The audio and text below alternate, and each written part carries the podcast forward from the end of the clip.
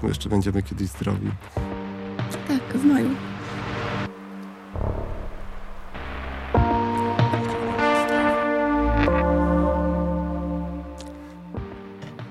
Dzień dobry. Dzień dobry. W pierwszej w 2024 roku przegadanej godzinie witają Państwa Monika Chylińska. I Dawid Myśliwiec. I uznaliśmy, że możemy sobie czekać, aż będziemy zdrowi obydwoje, żeby nagrać ten film. Ale kto wie, czy taki dzień jeszcze przyjdzie. Przyjdzie.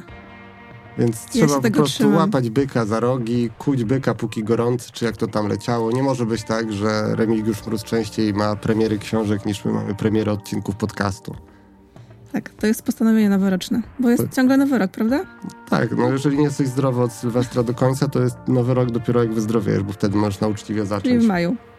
A my dzisiaj uczciwie zaczynamy od Remigiusza Mroza nieprzypadkowo, gdyż jest z nami jego, nie wiem czy już najnowsza książka, bo w, No no, to ty, tydzień temu, nie? E, e, najnowsza książka Operacja Mir, e, która jest kontynuacją projektu Rize, który też w tym podcaście był, więc e, wydaje mi się, że po prostu całą tę serię będziemy e, obskakiwać. bo, wiesz, 16-17 książek jeszcze w tym roku. Musimy być gotowi na tyle odcinków podcastu. E, książka, do której link znajdziecie w opisie, bo e, ona patronuje temu odcinkowi i trochę go zainspirowała.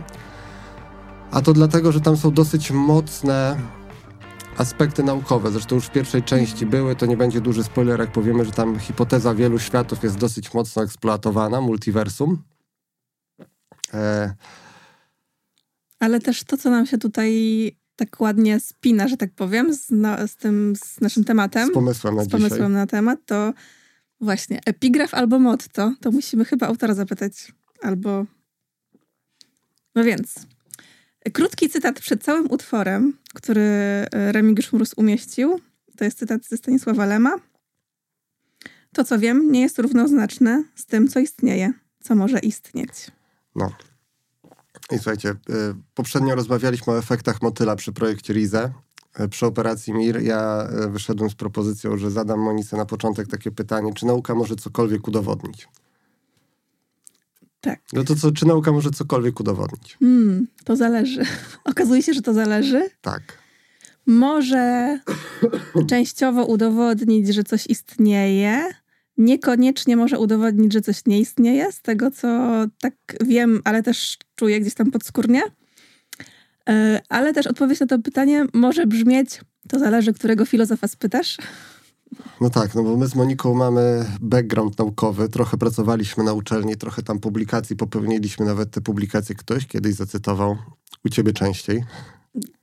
Bo mam ich więcej. No. E, I, mm, I jakieś mieliśmy takie poglądy zawsze na, na to, jak naukę powinno się prowadzić, jak, jak eksperyment powinno się projektować i prowadzić, Ale żeby był po prostu- wiarygodny. Po prostu chyba taką wiedzę praktyczną do tej pory. A teraz pogłębiliśmy tę naszą wiedzę praktyczną o trochę takiej filozoficznej i teoretycznej. E, No ale na początku myślę, należy się disclaimer, zanim przejdziemy do tego. A w dzisiejszym odcinku, czym jest teoria, czym nie jest teoria, poperyzm, Paradygmat. paradygmat, kryterium demarkacji, to takie sexy tematy. E, taki disclaimer, no, czytaliśmy dużo o filozofii nauki. Ja szczerze mówiąc mam wrażenie, że im więcej czytam, tym mniej wiem. I e, jestem trochę zły na tych filozofów. Ja teraz sobie właśnie przypomniałam, bo zaczęłyśmy mówić o pracy naukowej, że ja przecież z filozofii pisałam, nie pisałam, tylko zdawałam ustny egzamin y, z filozofii, doktorski egzamin. Jako te nauki jakby niezwiązane z moją działką. E, Ja e, miałem o Imperium Rzymskim. Wiem. Tak. Czyli wszystko się zgadza. Wszystko. Pozdro dla kumatych. E, Słuchajcie, co ja chciałem powiedzieć? Chciałem powiedzieć to, że e, po pierwsze, ilekroć mam jakiś taki większy kontakt z filozofią, to mam wrażenie, że to powinien być jednak obowiązkowy przedmiot tak, na wszystkich studiach. A To nie? jest po pierwsze. Chyba, chyba jest, nie?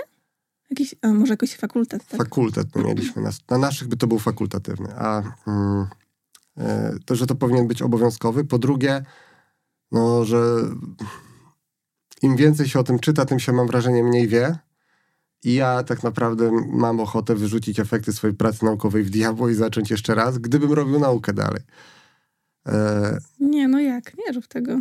To jest po pierwsze. Po drugie, nawet gdybyśmy chcieli tutaj wyłożyć wam filozoficzne podstawy, to nie jesteśmy kompetentni, wiesz, to, więc to będzie bardzo mocno nasza interpretacja i taki skrót, aczkolwiek z chęcią przyjmiemy komentarz jakiegoś filozofa, tak, który to ale... rozwija, bo, bo to są bardzo ciekawe kwestie. No, ale tak jak już mówiłam, to będą takie naleciałości praktyków po prostu. No, bo nie dało tak, się czytać tak. o filozofii. Nie o mają filozofii gdzieś, nauki. O filozofii nauki, nie mają gdzieś tam z tyłu głowy wyobrażenia o tym, jak ta y, nauka na co dzień wygląda w laboratorium. Tak, i jak się samemu ją prowadziło. Dokładnie. No. Precyzyjnie. Precyzyjnie. E, no, no. No to co? To disclaimery mamy porobione. Zacznijmy od tego, o czym dzisiaj będziemy rozmawiać przez większość czasu, czyli od e, teorii naukowej. O teorii naukowej. Od tylko teorii. tylko teorii. Mhm. No właśnie, bo teoria to jest teoria naukowa, musimy odróżnić teorię naukową od, taką, od takiej mm, teorii w języku potocznym. No bo jak mówimy, że coś jest teoretyczne, że to tylko teoria, no to to jest takie niepewne, rozmyte. No to jest synonim hipotezy jakiejś. Y, tak. Tak, czegoś takiego niepewnego. Ani to, tylko to, to tylko tak w teorii, no, a w no, rzeczywistości no, być może być tak. inaczej. Natomiast ym, teoria naukowa, no to to jest już zbiór opisanych faktów o jakimś wycinku rzeczywistości. Zbiór wiedzy na, Zbiór wiedzy. na bazie jakichś faktów. Znaczy... Zawierać może prawa, właśnie to też jest y, istotne, że teoria naukowa to nie jest to samo co prawo naukowe, czyli prawo powszechnego ciążenia to jest równanie, które opisuje, pozwala nam opisać, jaka siła sprowadza e, jabłko na ziemię, rządzi spadkiem, upadkiem jabłka na ziemi. Spadami. Spadami rządzi. Natomiast e, prawo grawitacji, y, teoria grawitacji wyjaśnia dlaczego i pozwala robić przewidywania, dokonywać przewidywań. Na przykład jak się zachowa światło przy całkowitym zaćmieniu Słońca zgodnie z teorią Einsteina, że powinniśmy zobaczyć coś, czego fizyka newtonowska nie przewidywała. I, i, I to jest sposób weryfikacji na przykład tej teorii, czy poddania jej próbie, o czym więcej za chwilę. Tak, czyli teorie to jest taki zbiór wiedzy, jakby, no zbiór wiedzy. Tak, i, i ważnym aspektem teorii w nauce, w naukach przyrodniczych, ale też matematyce i fizyce, y, w matematyce też, to jest to, że ona pozwala dawać jakieś przewidywania. Czyli na podstawie teorii można coś przewidzieć. Jakiś model. Tak, nie tylko opisać to, co się wydarzyło, tylko, tylko przewidzieć, co się wydarzy w jakiejś tam określonej, e, określonej e, sytuacji. No a hipoteza, żeby już może tak zostawić te... Coś do zbadania. Coś do zbadania, to taka... A, jeszcze jest fakt. Jest... E, ale hipoteza to taka kandydatka trochę na teorię. Prawo albo teorię. Na prawo albo teorię. E, natomiast e, jeszcze jest ta, taka rzecz, o której wczoraj przeczytałem zupełnie przypadkiem, bo mm. już mhm. sobie miałem odpuścić Popera, a w artykule, który czytałem, nagle Popper na mnie wyskoczył. Mm. W ogóle to jest typ, który wjeżdża z drzwiami, słuchajcie. Jak się raz przeczytał o Poperze, to potem się wszędzie czytał o Poperze, okazuje się. To... to się nazywa jakoś to prawo takie ale nie wiem jak, e. że jak tam kupisz sobie czerwonego A, Mustanga, to... to nie, nie, nie, pamiętam, w komentarzach na pewno będzie. E, ale chciałem powiedzieć, że niektórzy e, filozofowie nauki ponoć nie zawsze byli ok z nazywaniem niektórych reguł biologii prawami. Że w biologii to jest mhm. tak bardzo na spektrum te rzeczy, które są opisywane, że ciężko tutaj przyłożyć jakieś takie prawo typu prawo powszechnego ciążenia. I co, i wtedy musi o fakcie, tak? Czy nie wiem, reguły. Aha. Ale że, że, że, to nie, nie jest prawo, że jeżeli zrobimy te same dane wejściowe, to nie zawsze dostaniemy ten sam, te same dane wyjściowe. O to chodzi. No a jak upuścimy jabłko, te same siły, te same pola grawitacyjne, mhm. to zawsze będzie ten sam eksperyment. Więc y, tak to było uzasadnione, aczkolwiek, no mówię, nie wiem jaki to, jest, jaki to ma status y, w filozofii. E, co jeszcze trzeba wiedzieć o teorii, zanim w ogóle przejdziemy do, do, do, do kwestii potwierdzenia i niepotwierdzania? E, że jest plastyczna. Tak. Mówimy tutaj, właśnie, mówimy tutaj o czymś takim jak paradygmat. O. Czyli to jest no właśnie zbiór tych teorii i zbiór takiej całej naszej wiedzy, którą mamy na dziś. Mhm. Taką, takiej, takiej Tych rzeczy, które uznajemy wiedzy. za prawdziwe, na, na bazie których budujemy nową wiedzę. Tak i no jakby znamienne jest to, że to, to jest paradygmat, a nie dogmat, tak jak w religii, bo on może być zmienny. Możemy go podważać, możemy go testować, może się zmieniać. No i zmienia się oczywiście y, paradygmat naukowy na przestrzeni lat. A dogmat na przykład religijny, no to albo w coś wierzymy, albo nie. I to jest niepodważalne. No, nawet jest nie, film nie na testujemy tego. Jest nawet film na kanale o tym, jak się trochę taki paradygmat w wąskiej dziedzinie, jaką jest mikrobiologia, zmienił odnośnie y, wykryw- odkrywania istnienia wirusów na przykład. Co to znaczy wykryć przyczynę choroby? To, to, to się zmienił trochę paradygmat na to zagadnienie. Mam wrażenie, że możemy użyć takiego sformułowania. W wąskiej dziedzinie. O wirusach, tak? Tak, tak. E, e, tak, teoria jest plastyczna, tak jak mówiłem, że e, ona też się może zmieniać, czyli jeżeli jakieś dane nowe, nowe fakty się pojawiają, które nie pasują do teorii, a można coś w tej teorii zmienić, żeby ona zaczęła te fakty obejmować, to jak najbardziej nic nie stoi na przeszkodzie. I moim zdaniem najciekawsza rzecz, e, w, jeżeli chodzi o funkcjonowanie teorii w nauce, to że e, automatycznie po posiadanie jakichś danych, które nie są z tą teorią zgodne, nie musi oznaczać, że ona jest odrzucana, bo czasami nie ma nic lepszego i się z niej korzysta, nawet jeżeli nie opisuje ona wszystkiego. Mhm. I chyba takim najbardziej znamiennym przykładem, który mi przychodzi do głowy, a którym będzie dla wszystkich zrozumiały, to jest e, odkrycie ostatniej planety naszego Układu Słonecznego. Przepraszam wszystkich plutoniarzy z góry, ale to jest Neptun. Fanów Pluto. Tak. Ale to jest Neptun. Bo w 1781 okazało się, że orbita Urana, czyli planety, która jest jeden bliżej, jedno oczko bliżej do Słońca, e, nie zgadza się z teorią ruchów Newtona. I teraz stanęliśmy przed e, pytaniem: albo odrzucamy teorię ruchów Newtona, bo na podstawie obecnie dostępnej wiedzy e, nie jesteśmy w stanie tego wytłumaczyć, albo przyjmujemy, że one się tutaj nie zgadzają i próbujemy to wyjaśnić jakoś inaczej. I tym wyjaśnieniem było istnienie ciała niebieskiego, którego masa wpływała na, na to zachowanie, i rzeczywiście tak się później okazało.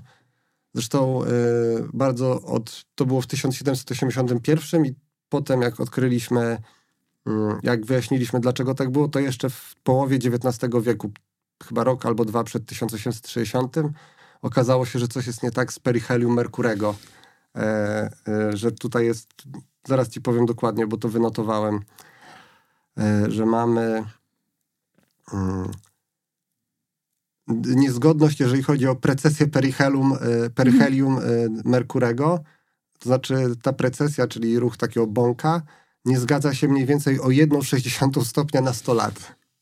Hmm. I y, znów prawa ruchu Newtona nie były w stanie tego objąć. I czy odrzuciliśmy prawa ruchu Newtona wtedy? Mhm. Nie. Uznaliśmy, że jest jakieś inne wyjaśnienie tego stanu rzeczy. No i potem przed Einstein powiedział zakrzywienia czasoprzestrzeni i tak dalej. No i wtedy w, ty, w tym w paradygmacie nowym to się zgadzało w, w ramach tej nowej teorii grawitacji. A mówimy o tym drugim przykładzie? Yy, a drugi O przykład? rozkładzie beta? Rozkład rozpadzie, beta. rozpadzie beta? rozpadzie beta. Może tak szybciutko. Bo jest taki drugi przykład jeszcze w nauce. To jest, powiem szczerze, to jest mój ulubiony przykład tego, jak, jak naukowiec potrafi być wizjonerem. Tak, bo y, jak odkryto taką przemianę jądrową jak rozpad beta, to okazało się, że z, jedne, z jednego jądra powstaje mm, Znaczy rozpad jakby beta nowe, minus, no, nowe, rozpad jo- nowe jądro i ta cząstka Tak. beta, to już nie wchodząc w szczegóły. Y, I okazało się, że nie zgadza nam się y, masa albo energia, no jakby to jest równoznaczne. Mhm. I albo mogliśmy pomyśleć sobie, że jakby chodzi o to, że energia substratów nie była równa, równa energii produktów. I mogliśmy sobie pomyśleć, no hello, jest tutaj jakiś problem, może prawo zachowania masy nam nie działa. E, No ale naukowcy nie, owa- nie obalili tego prawa od razu, mm, tylko pomyśleli sobie, że może tam coś nowego powstaje w, tym, e, Tak, tak, w tej przemianie. No i po, po wielu chyba latach, nie, może nie po wielu, ale po latach chyba odkryto dopiero to, że jest dodatkowy produkt, który się nazywa neutrino. Tak, tak, tak, bo tam chodziło o dwie rzeczy, o to, że y, rozkład energii beta jest ciągły, czyli tak jakby raz ten elektron, który powstaje, w ogóle tak, neutron, neutron rozpada się na proton i elektron, ładunek mamy zachowany, zero neutron, minus jeden, plus jeden elektron, czyli zasada zachowania ładunku obowiązuje. E, ale czasami ten elektron, który był emitowany z jądra i który my mierzyliśmy, miał bardzo małą, bardzo dużą energię, a przemiana była ta sama. To znaczy Mhm. z tego samego jądra w to samo jądro, co się nie zdarza w przypadku przemian alfa i gamma. bo tam jest przejście między stanem wzbudzonym, podstawowym, to jest kwantowa sytuacja i zawsze jest ta sama liczba. No a tutaj było różnie. No i y, hipoteza była taka, że powstały dwie cząstki, jednej nie możemy namierzyć z jakiegoś powodu Mm. i ona zabiera część energii. A jeszcze przesłanką ku temu było to, że neutron ma połówkowy spin, proton ma połówkowy spin i elektron ma połówkowy spin i no, po jednej stronie i po drugiej powinno być połówkowo, a nie jest, więc jest coś jeszcze połówkowego potrzebne, żeby Tak, to... więc nie wyrzuciliśmy do kosza dotychczasowej wiedzy, tylko szukaliśmy Tak. dalej. Tak, założyliśmy, że jest coś tak jak ten Ura, Uran, Nep- Neptun, Nie Pluton. nie Pluton, który nie jest planetą, już. Nie krzyczcie na mnie, to nie była moja decyzja. To nie była moja decyzja. Też mam książki, gdzie były. A to też jest przykład na to, że nauka się zmienia. No tak, No, się w paradygmacie. Tak, zmiany w paradygmacie, zmiany w wiedzy, ale my mieliśmy rozmawiać o teoriach, ich potwierdzaniu albo obalaniu. No i naukowcy bardzo długo mieli takie różne podejścia do tego, jak co to znaczy obalić albo. e, Znaczy przyjąć teorię jako prawdziwą chyba, tak? Do A tego jeszcze jedną rzecz, jeszcze jedną rzecz mogę No, do teorii. no. E, Mówiłem, że teoria to nie fakt, Mhm. ale czasami może być faktem. Fakt to jest coś, co uznajemy za potwierdzone eksperymentalnie, wynik eksperymentu. Mhm. I są takie teorie, które są tak mocno ugruntowane, że przyjmuje się, że one są faktami naukowymi. Na przykład teoria ewolucji. Jest tak dużo różnych dowodów Mhm. z różnych dziedzin, e, uzyskanych na różne sposoby odnośnie teorii ewolucji, że ona jest uznawana za naukowy fakt w zasadzie. No tak, bo mogą być też teorie naukowe, ale nieprawdziwe. E, tak. Geocentryzm na przykład, tak, przecież tak, to jest tak, teoria tak, naukowa, tak. którą, funkcjonow- kiedyś, którą kiedyś uznawano, Tak. teraz ona jest nieprawdziwa. Tu też doczytałem, że nie wszyscy się zgadzają, że jak coś przeszło, to już powinniśmy przestać mówić, że to teoria. Tak? Tak, ale, ale, ale teorety... Ale wtedy funkcjonowało jako teoria. ale funkcjonowało przez długi czas jako teoria i, i y, rezygnowaliśmy z nieprawdziwych teorii. To nie jest tak, że my za wszelką cenę, Mhm. żeby też nie popaść w skrajność, że za wszelką cenę naukowcy próbują łapać się Zostać przy swoim. kurczowo, tak, Jezu, już się nauczyłem tego Newtona, już może, może tam wstawmy coś. A jak nie działa, to potem usuniemy. A to był Einstein i stała kosmologiczna. No. E, więc, e, więc tak. No i jakie podejście można mieć do tego, co to znaczy udowodnić teorię? Byś zapytała Arystotelesa, on powiedział, no jak się na logikę zgadza, to prawda. No. No. Muchy wychodzą z e, gnijącego mięsa po prostu. Potem długo myśleliśmy, że jeżeli coś. Im więcej razy coś potwierdzimy, tym bardziej ta teoria jest bliższa prawdy albo mm, przyjmowana. Tak, tak, tak. Im więcej razy coś potwierdzimy. Tak, że nie, najpierw było na logikę, potem było na chłopski rozum. Trochę tak racjonalnie, nie? No, Mhm. jak inaczej? Jak inaczej niż tak? A potem właśnie przyszli ludzie z Wiednia, których e, my nazywamy pozytywistami. To jest pozytywizm logiczny. Tak. No to, to jest takie podejście pozytywistyczne, się mówi, Tak, z tak zwanego do tego problemu. e, kręgu wiedeńskiego. I właśnie oni y, mieli takie poglądy, jak przed chwilą mówiłam, że jeżeli coś y, uda nam się potwierdzić w eksperymencie, Mhm. to znaczy, że to jest prawda. I im więcej razy to potwierdzimy, tym bardziej to jest takie ugruntowane. na różne sposoby. Czy twoim zdaniem to jest dobre podejście? Bo to powiem szczerze, Mhm. jakbyśmy dzisiaj wyszli z piwnicy wreszcie i zaczęli łapać ludzi na ulicy i zapytali ich, w jaki Mhm. sposób potwierdzić e, prawdziwość, czy udowodnić prawdziwość teorii, to wydaje mi się, że to, to, to by była uśredniona odpowiedź. Mm, W niektórych małych wycinkach wydaje mi się, że no, skoro to działało ileś lat, no to w niektórych małych wycinkach no, znalazłabym przykłady, y, że możemy y, jakby tym się posłużyć. Chociaż też tu jest pewne, ale dam ci przykład. No. No tu na przykład badania w, mm, w medycynie, czy jakaś substancja działa jako lek. No jeżeli potwierdzimy, że, nie wiem, potwierdzimy obiektywnie, że na przykład podajemy pacjentom y, suplement, który im y, ma podnieść poziom, poziom, poziom na przykład żelaza we krwi.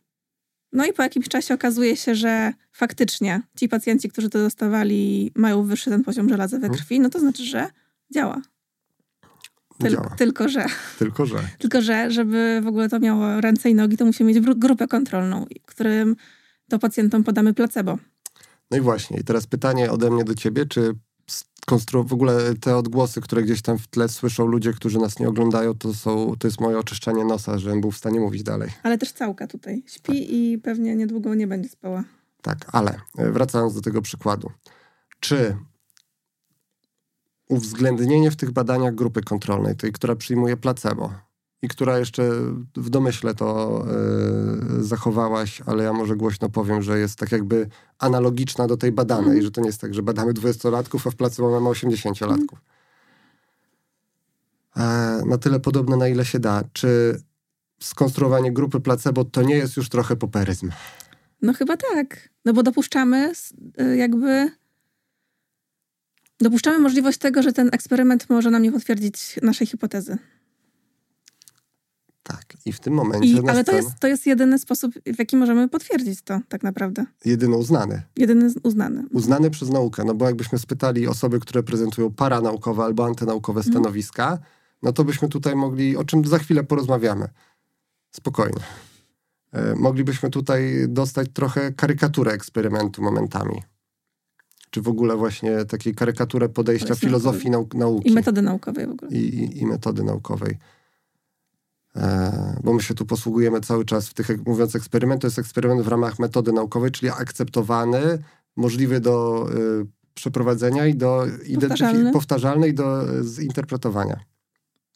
Ale nam tu już wjechał niechcący pewien taki y, Popper był Austriakiem. Y, tak, Karl Popper. Mhm, tak, tak, Popper. Też. I zaraz będzie bardzo trudne słowo falsyfikowalność, więc ja sobie zgoogluję, a ty może, może powiedz coś, od, kto ten Popper był?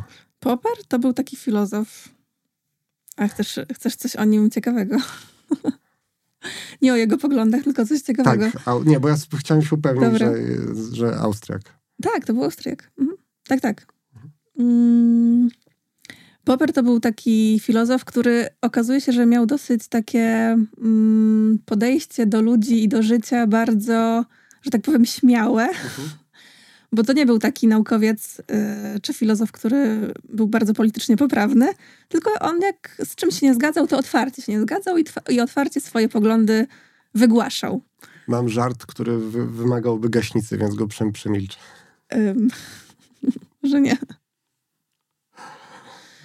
Y, Popper otwarcie krytykował różne poglądy. Nie zgadzał się otwarcie z marksizmem, z, z Freudem się nie zgadzał, krytykował jego psychoanalizę. W ogóle z kim on się zgadzał? No właśnie, on też nie, no i głównie nie zgadzał się z pozytywistami, czy też y, już później w jego czasach to neopozytywistami. Co I miał całka od Poppera, daj mu nic powiedzieć o Popperze. I miał taki otwarty w ogóle konflikt z y, tym twórcą neopozytywistów. Ludwikiem Wittgensteinem. tak? Wittgensteinem.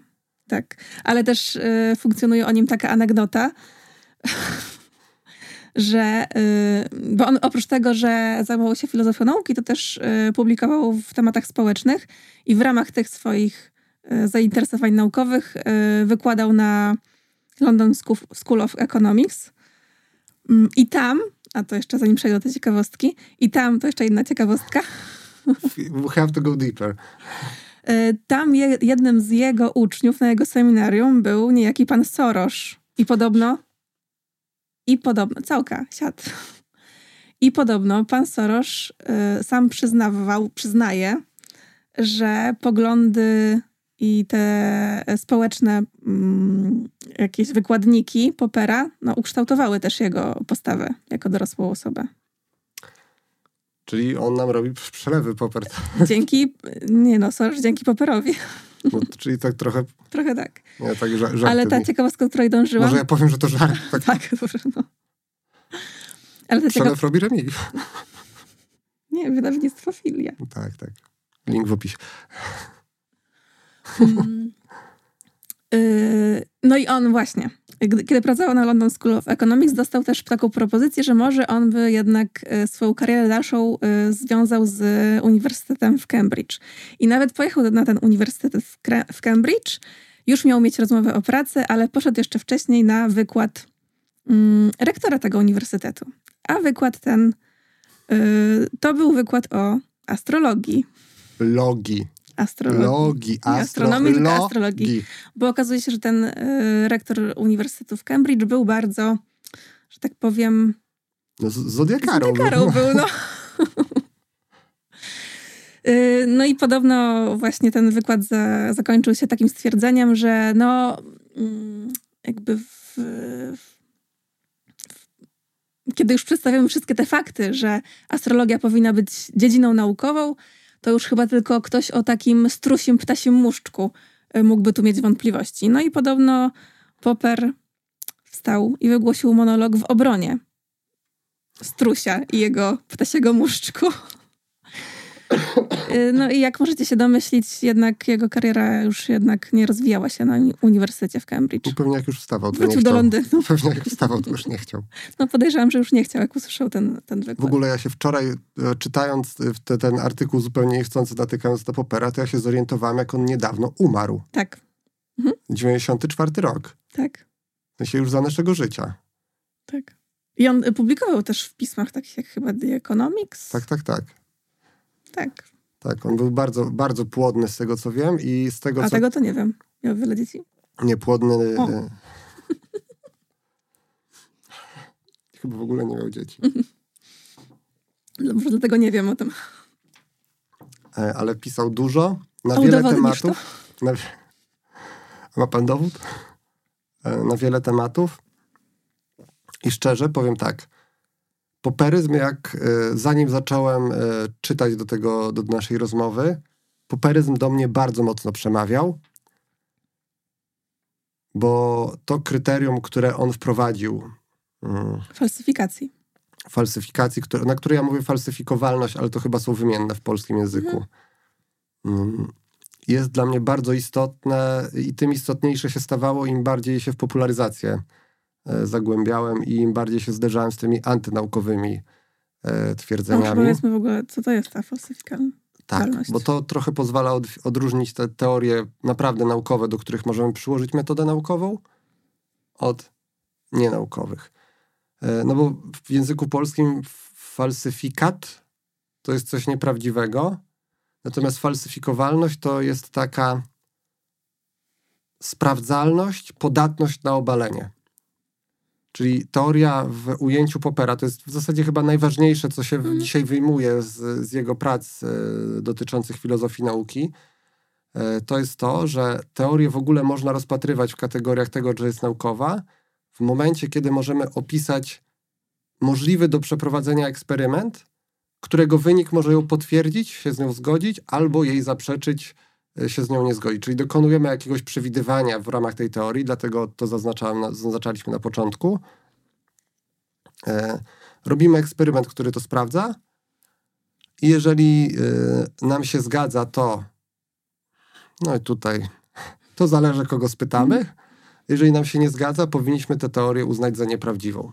Tak. No i ważne jest to, że w ogóle dopuszczamy w naszych rozważaniach to, że taki eksperyment może istnieć. Jeżeli jego wyniki wyjdą właśnie niekorzystne ym, względem tej teorii, no to odrzucamy ten, tę teorię. I, Czy tę hipotezę już jeszcze wtedy. Tak. Nie, no teorię też można testować. No jest tak, jest no tak. do tej pory e, ugruntowana. A więc- dlatego ja tak mówię, bo mi się kojarzy to z, e, ze statystyką, kiedy Tak. mamy hipotezę zerową i albo ją przyjmujemy, albo odrzucamy. Tak. E, Co jest elementem analizy danych, aczkolwiek no, teoria to jest więcej niż jeden eksperyment, więc tutaj Mhm. e, nie, nie, nie łączyłbym tego tak mocno. Znaczy, i łączył, i nie łączył. E, Dlaczego o tym tak e, wspominamy? No bo jest cała masa teorii, z którymi możemy się e, sformułować, stwierdzeń, które niektórzy nazywają teoriami, o tak powiedzmy. Znaczy teoriami w takim potocznym rozumieniu, a nie teoriami naukowymi. Tak, Chodzić, po pierwsze, wiele z takich rzeczy. Ja jestem świeżo po wośpowym live. I na przykład jak czytałem sobie o tym wszystkim, to Źle, mam bardzo źle. źle, bardzo źle jest z niektórymi stwierdzeniami, które y, pan Jerzy Zięba wygłasza w swoich, stwierd- w swoich y, pracach, no bo on tam y, odwołuje się do takiego chłopskiego rozumu trochę, takiej logiki, że jeżeli to, to to, jeżeli to, to to, nie pokazując żadnych dowodów na ten związek między dwoma faktami, a jedynie na przykład na prawdziwość jednego i drugiego faktu. Ale to nie znaczy, że można między nimi y, zaakceptować związek tylko dlatego, że jest logiczny. Tak robił Arystoteles i on wierzył, że muchy wychodzą z gnijącego mięsa, a myszy z połączenia szmat i zboża. A tu też chodzi o przyczynowość, nie? Tak, no przyczynowość to jest No jeszcze to inna jakby- kwestia w ogóle. Że coś może mieć ze sobą związek, ale nie być przyczyną. Jed, Tak, tak, jedno nie może, być, tak. może nie być przyczyną drugiego. Tak, więc y, to takie, ten logiczne podejście, to jest y, to, to co prezentuje na przykład Jerzy Zięba bardzo często. To jest trudne do takiego automatycznego odrzucenia, bo to ma sens, ale nie ma na to dowodu. I co więcej, bardzo często to jest łączone w ten sposób, że tam jest jakiś spisek, że ale oni tego nie zmierzą, bo musieliby wtedy Mhm. za darmo leczyć tam, zakwaszając żołądek, a to źle, bardzo źle dla przemysłu farmaceutycznego. Więc y, y, to, to, to jest tak naprawdę korzystanie w dyskursie naukowym z filozofii, na, z takiego poglądu sprzed naszej ery. A jeżeli Mhm. już byśmy byli bardzo tacy generous, że tam nie ma ingerencji boskiej, y, to, to nie wiem, z XVI-XVII wieku, z takiej trochę po Newtonie jesteśmy. I, i, I to jest bardzo często taka logika, to jest jedno. Y, Drugie, wynajdywanie kolejnych powodów, dlaczego ja- jaka, jakieś stwierdzenie jest prawdziwe. W sensie, mm, No ten efekt potwierdzenia. tak, efekt potwierdzenia. Szukasz sobie czegoś, co potwierdza twoją, y, twoje przekonanie. Szukasz sobie i na dodatek, y, tak jak teoria jest plastyczna, ale w rozumieniu naukowym plastyczna teoria oznacza, że jak znajdujemy coś, co się nie mieści w jej ramach, to ją udoskonalamy. To bardzo często w tych antynaukowych, typu, typu ruchy antyszczepionkowe jest tak, że y, rodzi się hipoteza, y, aluminium powoduje, i tutaj wstaw dowolne, jest przeprowadzane badanie, które pokazuje, że nie ma związku między aluminium a tym czymś i zamiast odrzucić, to, y, to mamy, tak, to na pewno powoduje coś innego w takim razie. Mhm. Y, To są, jeżeli Właśnie byśmy i- przyłożyli do tego teorię, zmiano teorii, co moim zdaniem też jest nie na miejscu, bo tak jak mówię, y, to, to nie jest jakiś ogromny zbiór wiedzy, tylko to są jakieś twierdzenia, ale, ale bardzo często to funkcjonuje w kategorii, wiecie, ta teoria czy hipoteza. To przykładając tutaj to, fal, tę falsyfikowalność, kryterium, to jej nie znajdziemy, jeżeli będziemy tak, w taki sposób do tego podchodzić. Nie znajdziemy, ale też często osoby, które, że tak powiem, są wyznawcami tych, Mhm. y, tych poglądów, oni nie chcą nawet znaleźć tej, y, takiego doświadczenia, w którym można by obalić te, y, te ich poglądy. Właśnie o to chodzi, że Był na Netflixie ten film o płaskoziemcach, pamiętasz końcówkę? Mhm. pamiętam, Że a, to powinno nam dać rozstrzygnięcie i było nie, nie po ich myśli Tak. i, i oni A- a dalej nie, to jednak drążyli, nie? Y, Tak, no właśnie, to chyba też właśnie y, tutaj nam charakteryzuje te osoby, które wierzą w te pseudonaukowe mm, teo, teo, teorie, no. Pseudonaukowe teorie, My się no. teraz bardzo pilnujemy, ale Właśnie. normalnie byśmy się nie, nie pilnowali, czy powiedzieć teoria, czy nie. No. Poglądy, pseudonaukowe Że oni nawet nie chcą, y, nie chcą dopuścić do siebie czegoś takiego, że może być taki eksperyment, w którym ta, te poglądy będzie można obalić. Mało tego, często jest tak, jak już idziemy tak po bandzie, jak na przykład są te takie teorie o tym, że księżyc jest pusty w środku, coś, Mhm. że, że reptylianie nami rządzą, no to jakby dlaczego nie schwytaliśmy nigdy takiego reptylianina? No bo oni, to jest tak dobrze skonstruowany spisek, że, że nie da się tego złapać, złapać go za rękę, no bo, no bo się nie da, bo to jest tak dobrze. Płaska ziemia, Monika. A no Czy da właśnie. się opłynąć ziemię dookoła płaską? Nie. Ktoś opłynął ziemię dookoła? Tak. Wytłumaczenie? Spisek. No właśnie. Albo nie bo- opłynął. Właśnie, bo nawet, nawet to, że nie jesteśmy w stanie czegoś potwierdzić, tak w rzeczywistości Mhm. empirycznie, to to i tak dla tych osób jest potwierdzeniem tego, że to jest spisek i że, że to jest tak dobrze jakby chronione. Ta wiedza Mhm. jest przed nami tak dobrze chroniona. Nie ma innego Albo wytłumaczenia. metoda naukowa jest przez nich nieakceptowalna z jakiegoś powodu. Mhm. Że jeżeli jakaś, że mówi, to musimy naukowo potwierdzić. Mhm. Okej, to potwierdzamy naukowo. E, ale nie tak. Tak, tak. Ale nie tak. Więc robimy tak dużo wykluczeń, jak ubezpieczenia. Tak dużo wykluczeń, że w końcu płacisz za to, żeby, żeby potem nie dostać tych pieniędzy nie? Z, po, po, po awarii samochodu. Trochę tak. Tak dużo wykluczeń robimy, że to jest jedyne, co można potem z takim twierdzeniem zrobić, to je potwierdzić. Mm, Tak, Nie da się jemu zaprzeczyć, ono jest albo nierozstrzygnięte, albo potwierdzone. tak. Dlatego, ono może być nie, albo nierozstrzygnięte, dlatego albo ja też potwierdzone. ja chyba już ym, użyłam słowa wyznawca teorii tych. Tak. To właśnie to mi się kojarzy trochę z takim kultem religijnym, że jakby albo w coś wierzysz, albo nie. To nie jest tak, że masz jakieś potwierdzenie w rzeczywistości, tylko no to są wyznawcy tych teorii. I, I właśnie to się, tym się różni paradygmat tak, naukowy tak, od dogmatu. Tak, ja się pochwalę tutaj, że ja bardzo szybko na YouTube, jak wchodziłem w takie polemiki, to znalazłem sobie sposób, nie wiedząc dużo o Poperze, a nie wiem, czy w ogóle kojarząc e, tę falsyfikowalność z jego nazwiskiem, to pytałem ludzi, e, jak wygląda argument, który zmieniłby twój punkt widzenia. Mhm. Sprawiłby, że przyznasz, że się mylisz. I jak siadamy do robienia jakichś filmów, to też sobie zadaję to pytanie, jakich dowodów powinienem znaleźć, żeby y, nie, ten film nie był potwierdzeniem tego, co myślę, zanim się tak naprawdę w to wczytam. Czy wczytamy teraz jako zespół.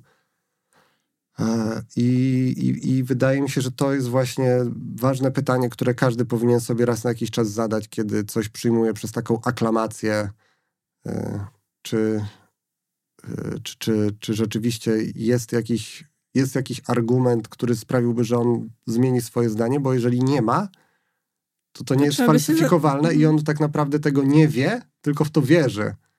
Albo nawet chce wiedzieć, że tak jest, chce wierzyć, że chce tak wierzyć. jest. O.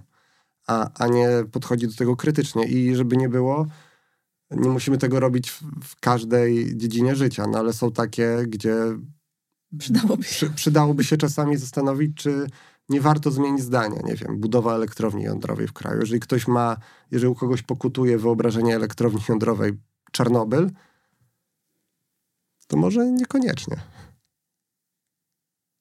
Może. Może niekoniecznie.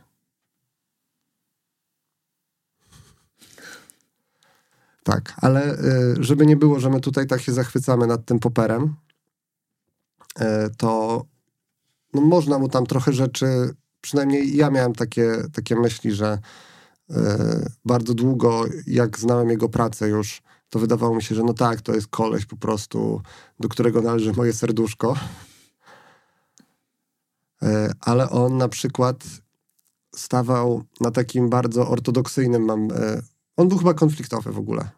No tak to wygląda z jego życiorysu. Tak, bo w ogóle jego poglądy na niektóre rzeczy są takie, że e, dowód teorii jakiejś, czy potwierdzenie teorii jest tym lepsze, im bardziej chcesz ją obalić w tym eksperymencie, bardziej chcesz sfalsyfikować. Im to jest to przewidywanie jest takie po bandzie. Mhm. I u niego też nie było miejsca na półśrodki. No jak się nie zgadza, to odrzucasz teorię. No tak, znaczy ja, znaczy, aż, dobra, ja chyba aż tak tego nie zinterpretowałam. Mm, aż tak po bandzie, jak, jak tak. ty użyłeś sformułowania. Ale na przykład, bo jest wymienionych siedem punktów w wielu źródłach, e, mhm. e, od takich, które się składają na, na, na te twierdzenia Popera. I na miejscu piątym, przynajmniej w tym zestawieniu, które ja mam przed sobą, jest tak, że every genuine test of a theory is an attempt to falsify it or to refute it. Czyli masz mhm. albo spróbować ją obalić, zweryfikować z możliwością mhm. obalenia, albo próbować ją odrzucić w ogóle, obalić właśnie. Mhm.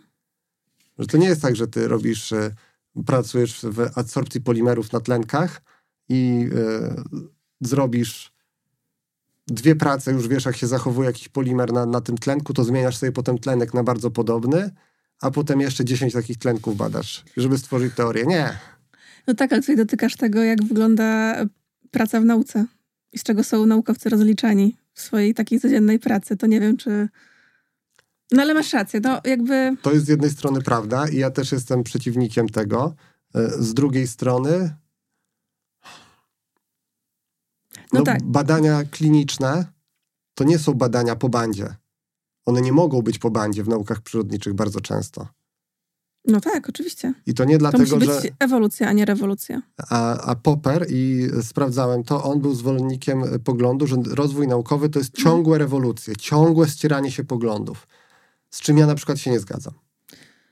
Znaczy, ciągłe ścieranie się poglądów, tak, ale, ale jakby... to jest ciągłe małe rewolucje. Że to jest postęp tak naprawdę. No, ciągłe ścieranie się poglądów, tak, ale no w jakichś też ramach. Moim zdaniem, I... ja bym nie przyłożył tutaj słowa rewolucji, a Popper, e, Popper, no też... Popperowski mhm. pogląd jest taki rewolucyjny. Bo ja to bardziej odczytywałam te jego poglądy w ten sposób. Wiesz, on, on mhm. naprawdę mówi, że trzeba po, im bardziej po bandzie pojedziesz, wystawiając teorię na cięższą próbę, trochę jak w Starym Testamencie, tym bardziej cię będzie kochała potem. No nie zawsze takie podejście się sprawdza, ale ja też trochę tak interpretowałam to jego podejście, że, że tak jak już wcześniej mówiliśmy, że to chodzi tak naprawdę o to, że dopuszczamy jakby możliwość w ogóle obalenia tej, yy, tej naszej teorii czy tego naszego przekonania. I no. I właśnie myślałam, że to bardziej o to chodzi, że, yy, że to nie chodzi o to, żeby tu wszystko wchodzić z butami i obalać i w ogóle zaorać wszystko, tylko o to bardziej, że dopuszczamy w ogóle taką możliwość do siebie, że to, w co, to, co odkryliśmy właśnie w jakimś innym y, eksperymencie, może się okazać nieprawdą. Tak, a ja tro, trochę widzę hmm. bardziej, bardziej tak e, hardkorowo u Popera. I, I fajnie było, jakby nas jakiś znawca tej filozofii wyjaśnił troszeczkę tutaj. W sensie. Pogodził nas. A może jest tak, że ja po prostu widzę tutaj popera, tego hardcora, mhm. a współczesny poperyzm jest czymś innym już. Trochę że może jest tylko wycinkiem jakimś, tak, nie? Że, że może nie jest tak ortodoksyjny jak sam poper. Być może. No. Tak jak buddyzm to nie jest e, Buddha. No. To żeśmy pożartowali z innych youtuberów.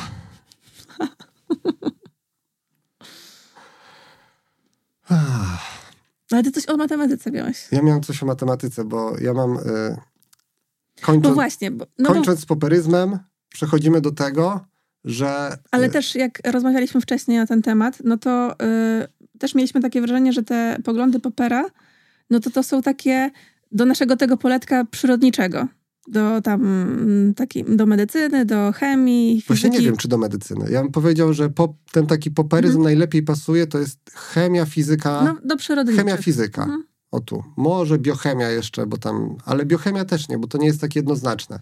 Tak, bo okazuje się, że teorie matematyczne to tak nie do końca chyba tak funkcjonuje. Jeszcze z, z, poper, z Poperem no? jedną rzecz tylko bym powiedział, że to takie radykalne oczekiwania względem teorii są na przykład bardzo trudne do przeprowadzenia w eksperymentach na przykład, nie wiem, nowych leków na ludziach. Mhm. A co masz na myśli? No bo bardziej radykalny to jest na przykład, e, nie wiem, jeżeli chce, ustalasz, że jakiś lek e, jest super w leczeniu raka. O, super, nie wyciszone. Tu też nie. Jest jakiś lek, jest super w leczeniu raka Mhm. Wyciszę, przepraszam. E, masz, masz, ten lek, który mówisz, o, on super leczy raka, no to jak zaprojektujesz taki radykalny eksperyment? Na przykład robisz badania kliniczne z grupą kontrolną e, i ludziom zamiast włączyć ten lek do standardowego leczenia, to stopujesz pozostałe leczenie i włączasz tylko ten lek w grupie kontrolnej. Nie, no przecież to chyba... No, no ale właśnie tak się nie robi. A często robi się w ogóle tak, że w grupie kontrolnej daje się to coś, co do tej pory działało. Tak, tak, tak. Że, żeby nie zostawić tych ludzi na lodzie. Dokładnie. Dokładnie. Zresztą mówiliśmy o tym w e, odcinku o badaniach klinicznych, też jest na kanale. Bardzo, bardzo fajny to jest odcinek i uważam, że powinien, więcej osób go powinno zobaczyć, tak zupełnie szczerze. No ale wiesz, zgodnie z mhm. poperem, hardkorowo, jeżeli chcesz wystawić na ostry test, robisz ostry test. Albo idąc w drugą stronę, y, bierzesz ludzi bardzo chorych, już umierających. I jeżeli to jest takie super, to powinno ich wyleczyć. No ale nie wyleczy, a mogłoby wyleczyć kogoś Tych, w, w takim bardziej łagodnym, łagodnym wydaniu, czyli wziąć na przykład kogoś na, w, drugiej w drugim mhm. stadium raka, a nie w trzecim albo w czwartym. Już nie terminalnie chorych, tylko w jakimś tam, na jakimś tam etapie choroby. A, a Popper mówi, no jeżeli chcesz naprawdę silnie im silniej będziesz próbował obalić, Im, im, będzie to bardziej, Im będzie to bardziej wymagający test, tym silniej potwierdzisz ewentualnie. No, ja w ogóle tak popera nie interpretuję. Nie wiem, no, to jest Dobra. trochę takie moje spojrzenie, które y, jest okej okay w tych naukach. Mhm. Chemia, od, fizyka. Od nie zależy ludzkie życie? Tak, chemia, fizyka się moim zdaniem to dobrze sprawdza. Chociaż Biochemia, czasem. biologia już... Mm, y, a E, ale... No dla mnie ta falsyfikowalność właśnie w tych na przykład metodach, e, tych mhm. badaniach klinicznych, no to właśnie jest to, że mamy tą grupę kontrolną, że dopuszczamy, że to może nie zadziałać tak, jak mm, sobie tam... A jednej rzeczy nie powiedzieliśmy o falsyfikowalności. Co? O falsyfikowalności nie powiedzieliśmy, e, że to musi być eksperyment, który jest wykonalny, ale niekoniecznie teraz. Czyli to jest na tak. zasadzie, jeżeli teraz jest niewykonalny, to my jesteśmy w stanie określić konkretne rzeczy, które muszą się zdarzyć, żeby był wykonany. Opisać go po prostu. Tak. A nie na zasadzie, no wynajdziemy wehikuł czasu kiedyś, zmodyfikujemy genetycznie ludzi, żeby mogli podróżować w czasie i udowodnimy tę ewolucję, sobie porobimy zdjęcia, nie? Więc tak nie, to nie jest. To, tak, to no musimy dopuścić do tego, że jest taki eksperyment opisywalny, tak. w, jakby na dzisiejszą wiedzę. Tak. Że na przykład, jeżeli nie jest dziś wykonalny, to można napisać, że potrzebujemy lepszej rozdzielczości spektrometru. I wtedy to będzie do zrobienia. Albo y, szybszej migawki aparatu. Tak. I dlatego niektóre teorie, które pokutują na przykład y, w sci-fi typu multiversum, to nie do końca mhm. wiadomo, czy, czy są naukowe w takim ujęciu poperowskim właśnie. Bo to też jest kwestia One tego... One są tworzone przez naukowców, tak. Ale na przykład nie wiadomo, czy ich falsyfikowalność jest spełniona. To tu też dotykamy y, tego, czy nauka może udowodnić coś, co nie istnieje. Jeżeli założymy, że coś nie A, istnieje... Dobra, już wiem, będzie... to czy możemy udowodnić, że coś nie istnieje? Że przychodzi A możemy? No właśnie, a możemy? No jest taka teoria, y, ten czaj, słynny czajniczek, znaczy nie wiem, czy słynny, mhm. słynny czajniczek Russella i tu chodzi o to, że przychodzi do ciebie człowiek, który mówi ci, no jest taki mikroskopijny, tyci, malutki czajniczek, który obiega naszą planetę po orbicie, ale żaden nasz teleskop, żadne nasze narzędzie, którym jesteśmy w stanie operować, nie może go wykryć. Ale ja ci mówię, że on istnieje i udowodnij mi, że on nie istnieje. No właśnie, jeżeli będziemy mnożyć te przykłady, dlaczego go nie mogę zobaczyć, to oczywiście, że go nie udowodnię. Mhm. Ale wtedy rodzi się pytanie, czy w ujęciu poperowskim to jest w ogóle czy to naukowe w ogóle jest pytanie? Problem, problem naukowy, nie? No, no, wydaje mi się, że nie. Problem naukowy. I y, bardzo często, bar, bardzo ciekawe w ogóle są dyskusje, jak się w to wczytać. Nie a propos tego, co wynika na przykład z teorii superstrun, czy tak jak w książce u, u Remigiusza Mroza, z tych wielu światów, y, które tutaj, zresztą tutaj nie tylko te kwestie naukowe są a, eksploatowane. Tak, bo, y, w... Tutaj są takie bardzo filozoficzne pytania tam. Tak, na przykład w... Znaczy nie będziemy tu spoilerować oczywiście, ale w dialogach między bohaterami tam są jak, takie stawiane pytania, na przykład, co było przed wielkim tak. wybuchem, skąd w ogóle wiemy, że ten wielki wybuch był. Więc myślę, że to e, dlatego o nas pomyśleli przy o promocji. O naturze oddziaływań, to są takie no, filozoficzne bardzo pytania też. Tak, no ale, ale jakby poczytać właśnie o tych teoriach wielu światów czy superstrun, to tam naprawdę są bardzo ciekawe dyskusje odnośnie tego w ogóle, czy to jest naukowy problem obecnie. Bo ci, którzy są wielkimi zwolennikami, to, to oczywiście mówią, że to, że nie można przeprowadzić eksperymentu, nie znaczy, że nie jest falsyfikowalne, a mhm. przeciwnicy mówią, no ale jak to? E, to chociaż po, po, pokaż, jak to może oddziaływać. No to ktoś mówi oddziaływanie tła, a, e, że tam mhm. E, kosmiczne promieniowanie tła, na przykład tam można coś zobaczyć. A drudzy mówią, no dobra, no ale to jest tylko, w takim razie można zobaczyć tylko potwierdzenie. No, mhm jeżeli, jeżeli ktoś ma taką otwartą głowę i chęć zderzenia się naprawdę z, z rzeczami, które mogą mu w głowie namieszać, e, bo filozofia miesza w głowie. I filozofowie potrafią naprawdę zamieszać. Ja kilkukrotnie rozmawiałem z filozofami w życiu. To jest niesamowite przeżycie, że mówisz coś i filozof robi, no tak, tak, to jest, to jest prawda, po czym e, dodaje jedno zdanie i ty już nie wierzysz w to, co powiedziałeś wcześniej, że to jest prawda sam. Ale też filozofowie są tacy bardzo otwarci tak, chyba, tak. nie? Pozdrawiamy inne... Błażeja. W ogóle jak macie jakiś fajny kanał filozofii, to możecie podrzucić w opisie. Mhm. Ja bardzo chętnie w którymś prokrastynatorium dam na, na, na, na, drugim kanale, bo ilekroć takie tematy dotykam, to, to potem mam ochotę gdzieś tam o tym więcej posłuchać. Tak. Muszę wreszcie przeczytać tę filozofię dla zabieganych. Przeczytaj. Dobrze.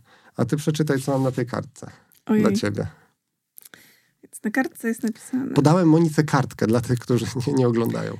Y, zdanie po drugiej stronie kartki jest fałszywe. Po drugiej stronie. Po drugiej... Prze, y, przerzucam na drugą stronę. A po drugiej stronie znajduję zdanie. Zdanie po drugiej stronie kartki jest prawdziwe. Opisz mi swoje logiczne rozumowanie w zaistniałej Jeżeli sytuacji. to po drugie jest prawdziwe, to znaczy, że to pierwsze jest fałszywe, ale ono mówi, że tamto jest prawdziwe. No mamy tutaj, y, skonfundowana się czuję. W matematyce takie coś nazywa się sprzeczność. I jeżeli dochodzimy do takiej sytuacji typu 0 równa się 1 tutaj, mhm. Na przykład w toku dowodu. Na przykład tak? w toku jakiegoś dowodu, to wtedy takie twierdzenie, takie y, zdanie logiczne powinniśmy odrzucić. Dlaczego ja o tym wspominam? Ano dlatego, że e, jest coś takiego, że ja to teraz dobrze przetłumaczył na polski. E, bo... Jesteś nieprzygotowany, Dawid. No bo... Teraz tłumaczysz? Nie, teraz, teraz googluję i tylko... No. O, dobra. No. O niezupełności, a nie widzisz, bo to po angielsku jest Gödel Incompleteness Theorem. Niezupe- e, Teoria niezupełności? Czyli to Mhm. jest twierdze, można by dosłownie to przetłumaczyć jako o niekompletności, ale tak naprawdę to jest twierdzenie, po, powinno być o niezupełności. Właśnie yy, to pol, polskie poprawne sformułowanie. O co chodzi? Na początku ubiegłego stulecia Było słowo. był, były 23 punkty z listy problemów milenijnych Davida Hilberta. Mhm. Takiego wielkiego matematyka, który zebrał innych wielkich matematyków i powiedział, słuchajcie, XX wiek, no nie wypada, żebyśmy nie wiedzieli... Wejdźmy godnie. Nie wypada, żebyśmy nie wiedzieli na koniec tego. I tam była lista 23 rzeczy, i na drugim było właśnie udowodnienie albo rozstrzygnięcie, czy nauka jest zupełna. Czy arytmetyka jest zupełna. Nauka czy matematyka? Matematyka, matematyka, matematyka. I o co chodzi? Chodzi o to, że tak jak naukowcy w oparciu o twierdzenia mają jakiś tam paradygmat wiedzy, w wąskiej dziedzinie, w szerszej dziedzinie, tak matematycy mają aksjomaty. To się u nich nazywa, odpowiednik tego nazywa się aksjomatami. I tak jak w naukach przyrodniczych w oparciu o twierdzenia uznane za prawdziwe, my jesteśmy w stanie udowodnić jakieś inne zjawiska, czy opisać inne zjawiska, tak matematycy w oparciu o aksjomaty są w stanie udowodnić prawdziwość bądź nie innych twierdzeń. Mhm. I dowód zawsze musi się odwoływać do aksjomatu. E, Albo właśnie prowadzi, znaczy, dobra, najczęściej dowód od, odwołuje się albo do aksjomatu, albo prowadzi do takiej sprzeczności. Czyli zakłada, że coś jest prawdziwe, na przykład zakładamy, że jest największa liczba pierwsza, nazywamy ją jakoś tam i potem pokazujemy, że jeżeli to by była największa liczba pierwsza, to mamy problem, bo w oparciu o tę liczbę pierwszą możemy skonstruować większą liczbę, która też jest pierwsza, więc ta nie może być największa i o żadnej nie można tego no. powiedzieć. Sprzeczność, czyli nie jest prawdą, że istnieje największa liczba pierwsza, ergo nie ma największej liczby pierwszej. To jest tak radiowo dowód matematyczny na, na, na, na istnienie, na nieistnienie największej liczby pierwszej. I e, pytanie na początku XX stulecia brzmiało, czy każde twierdzenie w nauce da się udowodnić bądź obalić w oparciu o odpowiednio dużo aksjomatów. Bo jeżeli jakiegoś twierdzenia nie dawało się udowodnić, to zawsze można było założyć, że jest ono prawdziwe, tak jak to, że przez każde dwa punkty jest dokładnie jedna prosta i uznać, że to jest nasz nowy aksjomat i teraz może udowodnimy coś więcej. Y, Nie wiem, liczby zespolone, jak się urodziły. No nikt nie, nie było tego, że mamy płaszczyznę zespoloną i przychodzi, wiesz, E- Euler z butami mówi, dobra, mamy płaszczyznę zespoloną, umówmy się, mamy. że mamy. I oni tak, no, no ciekawe rzeczy wychodzą praktyczne, to uznajmy, że mamy nowy aksjomat. No i pytanie brzmiało, czy każde twierdzenie w oparciu o odpowiednio dużo aksjomatów da się udowodnić?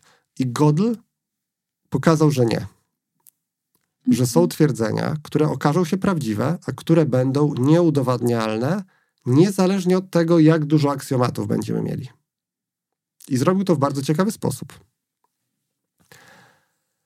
Znalazł, s- znalazł drogę, żeby każde twierdzenie można było przypisać do jednej liczby. To były gigantyczne liczby, Każde twierdzenie tak. matematyczne Matematyczne. tak? Każde Mhm. matematyczne zdanie, twierdzenie można było zapisać jako liczbę. I co więcej, y, wykorzystując liczby pierwsze, które przypisał do aksjomatów, on y, pokazał, że to będzie zawsze tak, że jedna liczba, jedno twierdzenie. Nie będzie tak, że ta sama liczba będzie do dwóch twierdzeń.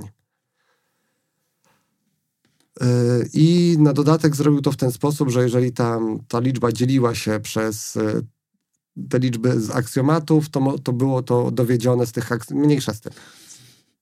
Bo istotne jest to, że on stworzył coś ala ta kartka, którą ty przed chwilą, czytał, przed chwilą czytałaś.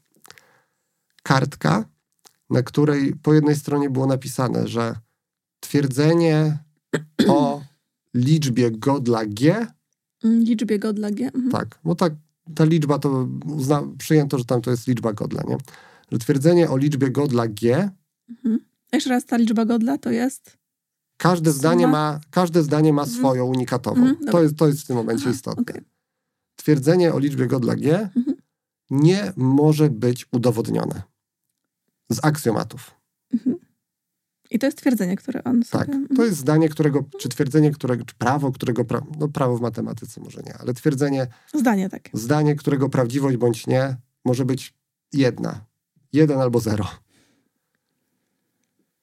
Czyli jest albo prawdziwe, albo fałszywe. I teraz, jeżeli ono jest fałszywe, A, jak ono brzmi jeszcze raz? Yy, twierdzenie, o liczbie godla G jest, jest.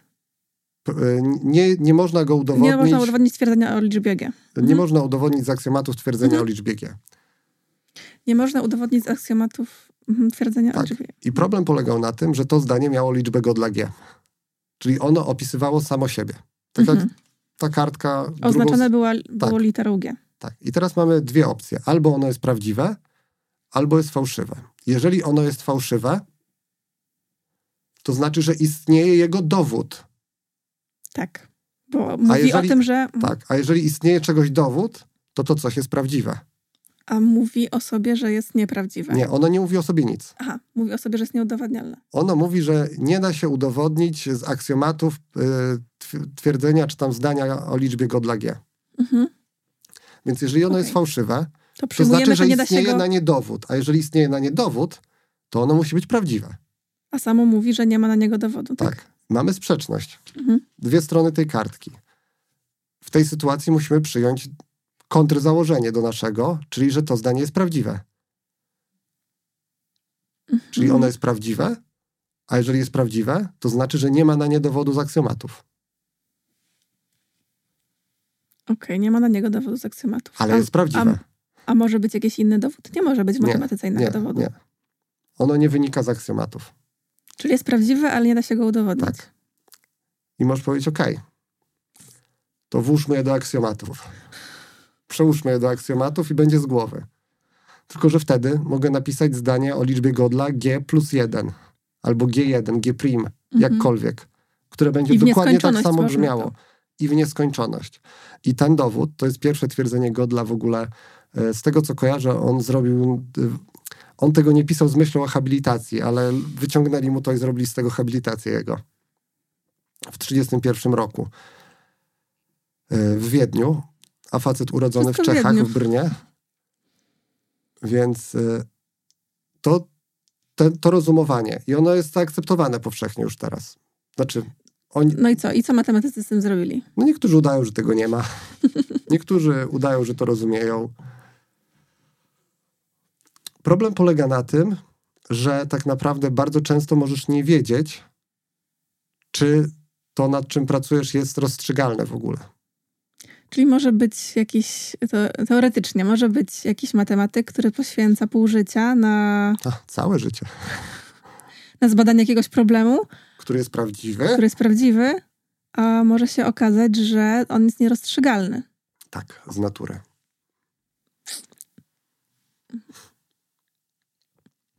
I to jest trochę tak przekładając to do popera. A w ogóle jeszcze jedna historia o Godlu, y, okoliczności jego śmierci, bo to był człowiek y, z bardzo depresyjnymi skłonnościami. Jak zobaczył, że matematyka nie ma sensu.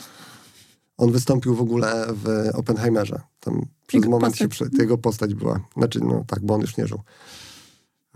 Dosyć dawno zmarł przed e, ekranizacją, ale był towarzyszem Einsteina, jak się tam e, w czasie spaceru po lesie i tam padło takie inform, taka informacja od Einsteina, że tam Kurt słabo, słabo jada, że mu nie służy przeprowadzka do, e, do Europy. I on rzeczywiście, do Stanów.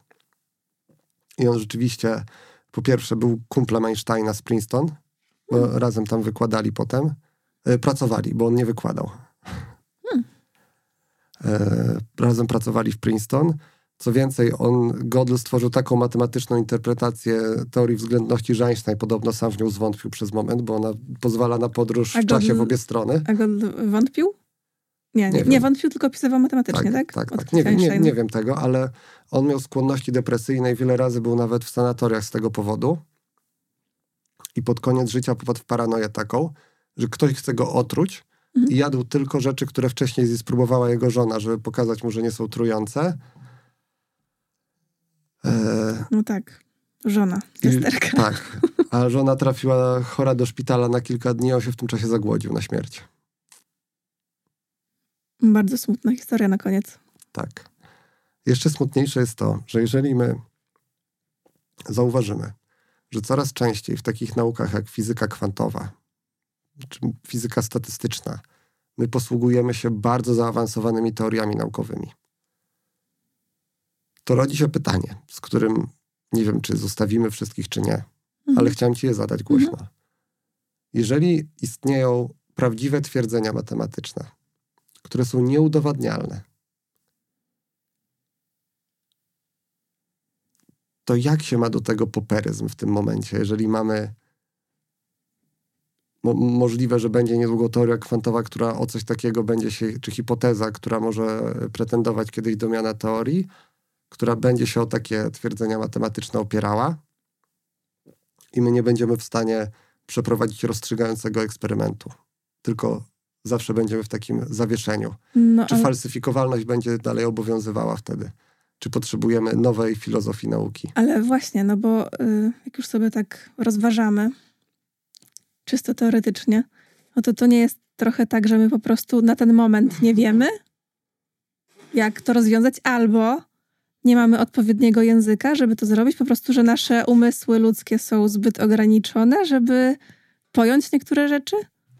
No właśnie twierdzenie Godla pokazuje, że nigdy, żeby nie wiem co. No do, jakby na gruncie tego, co wiemy. Nie, w ogóle.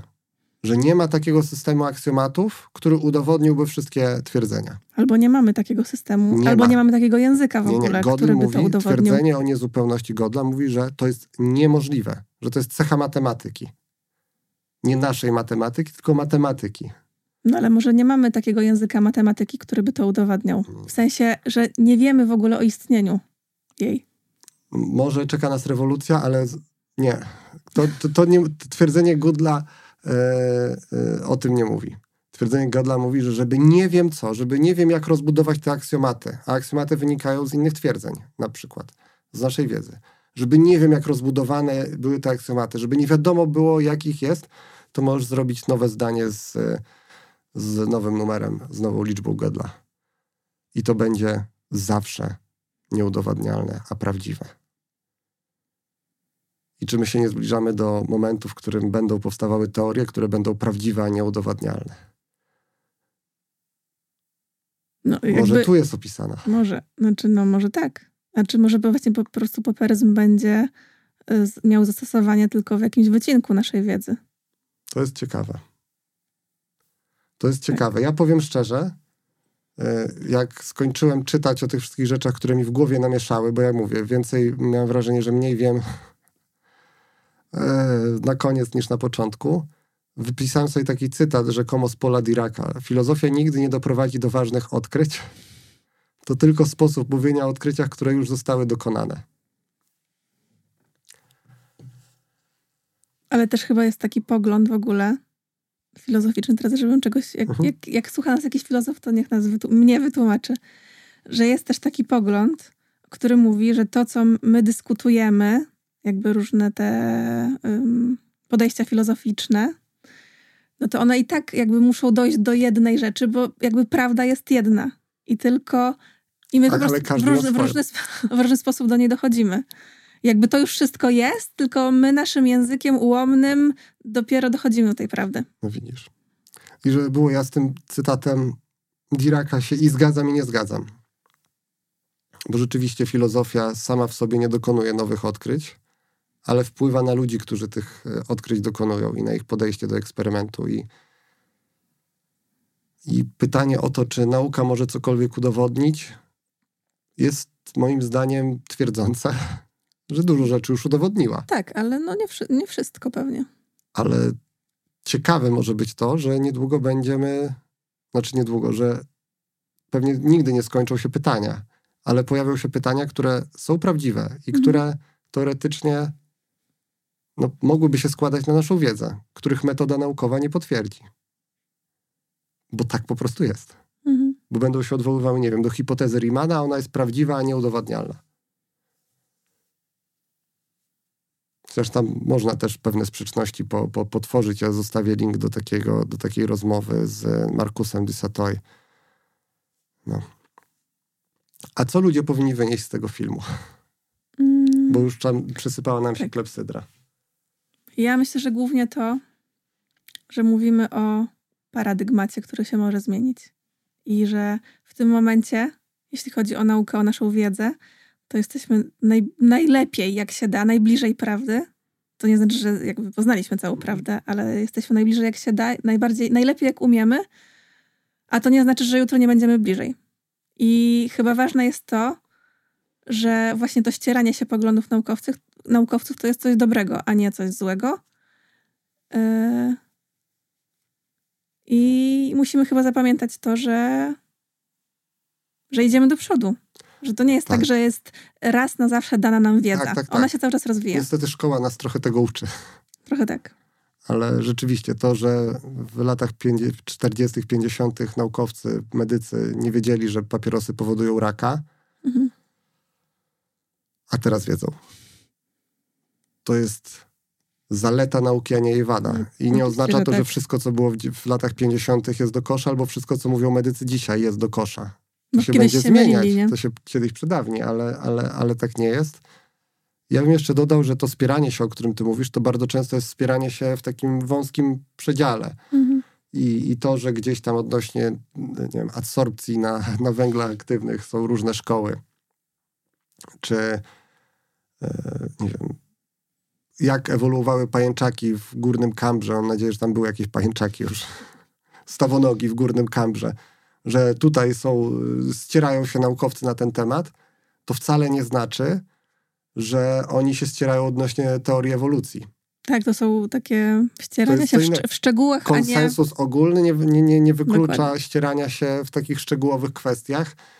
A, a mówię o tym dlatego, że bardzo często te ruchy antynaukowe i paranaukowe wykorzystują to, pokazują, no jak oni mogą mówić, że ewolucja jest prawdziwa, jak, e, jak tutaj, e, jak tutaj się nie nie są w stanie o takie, takie proste rzeczy dogadać. To lepiej uwierz w to, że moja niesprawdzalna hipoteza, która zakłada inteligentnego stwórcę, jest, pra, jest prawdziwa.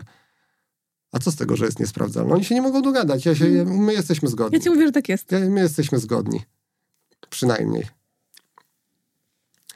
Niesprawdzalna, więc naukowa, bo niefalsyfikowalna. Bo z założenia ten twórca jest niemierzalny fizycznie, a więc nie ma eksperymentu, który by potwierdził jego istnienie. I,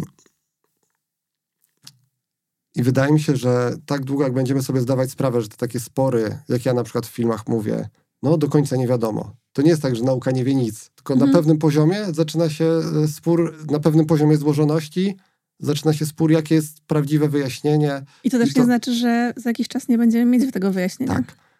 Y, Nie można dać się zwieść temu, że ktoś zwróci uwagę nam na to, że naukowcy się spierają o coś i zdejmuje w ten sposób z siebie konieczność udowodnienia swojego twierdzenia. Że naukowcy, no, oni dzisiaj jeszcze nie są w stanie się dogadać, co zrobić, jak człowiek ma zgagę, więc pijcie ocet jabłkowy. Mówię wam to ja. Wielki wisant. Wypipczę. No, chyba pora Pora kończyć. kończyć. E, Dziękujemy, że wytrwaliście za, e, z nami. Za, zachęcamy Was, żebyście sobie zobaczyli link w opisie, w którym możecie znaleźć najnowszą książkę Remigiusza Mroza. Podejrzewam, że za dwa tygodnie znowu coś wydaje, więc wrócimy z kolejnym odcinkiem podcastu. Nie, wi- nie wiadomo, czy z tej serii, ale Tak.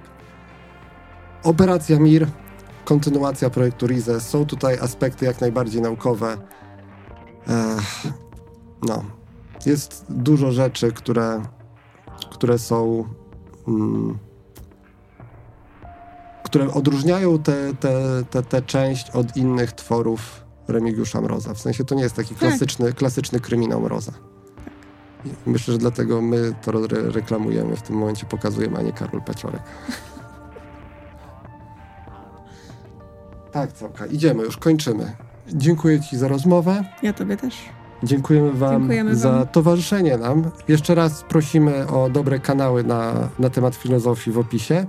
To Jak ktoś chciałby się pokusić o jakieś filozoficzne Tak. wywody, w komentarzach też chętnie poczytamy. Tak, a jeżeli ktoś się w ogóle zna na poperyzmie i powie nam, co nasze te skrzywione wykonywaniem eksperymentów mózgi źle Zinterpretowały. zinterpretowały, znadinterpretowały, nie wspomniały, też bardzo chętnie y, w, jakiej, w jakiejś formie o tym kiedyś jeszcze napomkniemy, czy to wpisu, czy to może jakieś story, shorty i tak dalej, i tak. A na dziś wystarczy, bo jeszcze trzeba parę rzeczy dzisiaj powiedzieć, a ja głos tracę. Do zobaczenia, do usłyszenia.